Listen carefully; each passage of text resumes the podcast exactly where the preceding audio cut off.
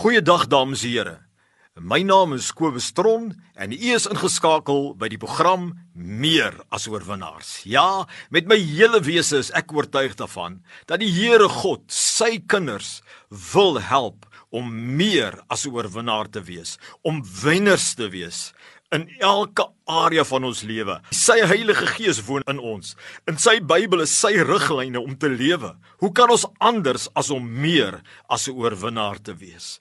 Vandag wil ek baie graag met u praat oor hoe die Here ons almal in ons alledaagse lewe kan gebruik en wil gebruik om werklik waar siele te red, om mense te help soos ek in die vorige sessie gesê het, om verlos te word van die mag van duisternis en oorgebring word in die koninkryk van God op aarde in hierdie onsigbare riem vir mense te help om die Heilige Gees in hulle te kry dat hulle kan lewe saam met God en dat hulle die ewige lewe het en 'n verhouding met God het en God hulle Vader en hulle helper word. My liewe vriend, die Here wil vir ons sê ons kan nie sonder hom lewe nie. En ek en jy het 'n verantwoordelikheid met ons broers en susters in die vlees. Ons oupas ons oumas ons paas ons maas ons neefs ons niggies ons vriende ons kollegas by die werk.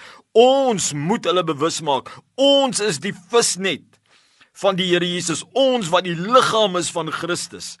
En die Here wil ons gebruik gebruik om mense te trek na hom toe Maar die vraag is, hoe Kobus?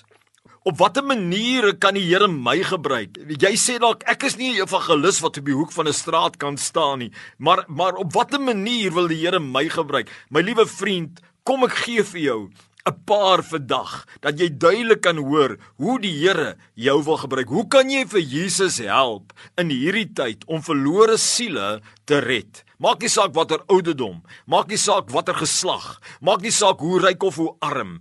Almal het nodig om gered te word. Almal, elke mens op aarde kan moet wedergebore word. Elke mens moet Jesus in hulle kry. Hulle kan nie lewe sonder Jesus nie. Dis hoekom die wêreld in so 'n toestand is. Dit is hoekom regerings in so 'n toestand is, want hulle sonder die redder, sonder Jesus Christus. En die eerste manier wat jy kan vir die Here help, nê? Nee, en ek sê nie al hierdie is vir jou nie, maar jy sal diep in jou gees weet is hierdie deur net eenvoudig meer om te gee, meer vriendelik en bedagsaam, meer goed te doen aan die verlorene. God roep jou, my vriend, om goed te doen en uit jou pad te gaan om die verlore mense te help. Soos daardie barmhartige Samaritaan wat uit sy pad uitgegaan het om daardie persoon te help, so wil die Here elkeen van ons gebruik om uit te reik nie noodwendig direk met die evangelie nie, maar met omgee. Nie met 'n judgment gees nie, nie met 'n veroordelende gees nie, maar iemand wat sê hierdie kinders van God, hulle doen goed. Hulle het my gehelp. Die Bybel sê dit is die goedheid van God wat 'n mens uh, tot bekering lei. Dit is die goedheid van God en ek en jy wat dalk nie 'n prediker is nie het die geleentheid om hierdie net van die Here te help wees deur goed te doen aan ander wat verlore is rondom ons deur 'n helpende hand uit te gee deur meer vriendelik en bedagsaam en opreg te wees teenoor hierdie mense. En die goedheid van God sal die lig van God skyn en die Here God sal klop aan die harte van mense en hulle sal tot bekering kom. Wat sê die Here vir jou? Wat sê die Here vir jou vandag my maat? Is jy deel van hierdie net wat sal help visse vang? Of is jy besig as kind van die Here om mense weg te stoot omdat jy onbeskof is dalk, judgmental is met verlorenes? lelik is. Mense ons kan nie veroordelend wees van hulle want hulle het nog nie die gees nie. Hulle het nog nie die vermoë van God in hulle binneste om hulle te help om reg te lewe nie. Moenie moenie probeer vingerwys vingerwys vingerwys nie. Kom ons doen goed aan hulle. Dit is die eerste manier. Maar dan dan is daar 'n wonderlike tweede manier om mense na die Here toe te lei. Nou en dit is op knieë te werk. Om op ons knieë te gaan en daagliks te bid en te glo vir daardie verlorenes rondom jou. Jou pappa dalk, jou ma dalk, jou broer dalk, jou suster, jou neef jou niggie. God wil hê ons moet bid, mense. In my kerk, nê, stel ek hierdie ding voor. Ek sê vir hulle, ek het 'n bord hier teen die muur en ek sê vir hulle, hier, kom sit 'n foto van mense, fotos van mense wat jy die Here voorvertrou.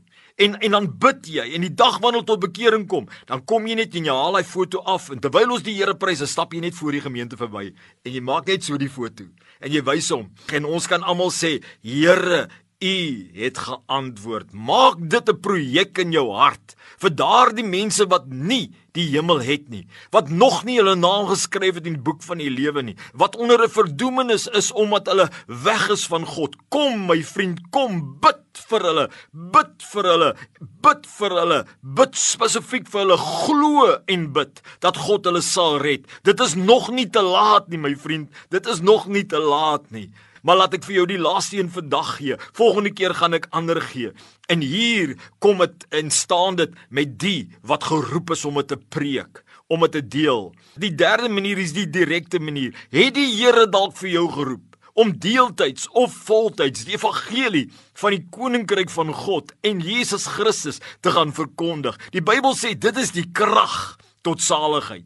Die Bybel sê hy wat dit hoor sal glo en dan het hy 'n kans om gered te word as hy hom aanneem. Die Bybel sê maar hoe kan jy gaan preek as jy nie geroep is nie sê in Romeine 10 en gestuur is deur die Here nie. Is jy dalk een van die gestuurdes, maar jy gaan nie. Jy gaan nie. Jy wag. Mense, mense, jy kan dit doen terwyl jy op die trein is met mense rondom jou. Elke dag by jou kollegas om 'n geleentheid te gebruik om die evangelie te deel. Mense moenie die krag daarvan onderskat nie. Dis 'n geweldige, geweldige krag. Mag God jou kragte gebruik om ander mense na die Here te lei. En as jy vandag nie aan die Here behoort nie, bel hierdie nommer. Bel hierdie nommer na, na hierdie radiostasie en laat ons jou na die Here lei. God seën u. Baie dankie. Amen.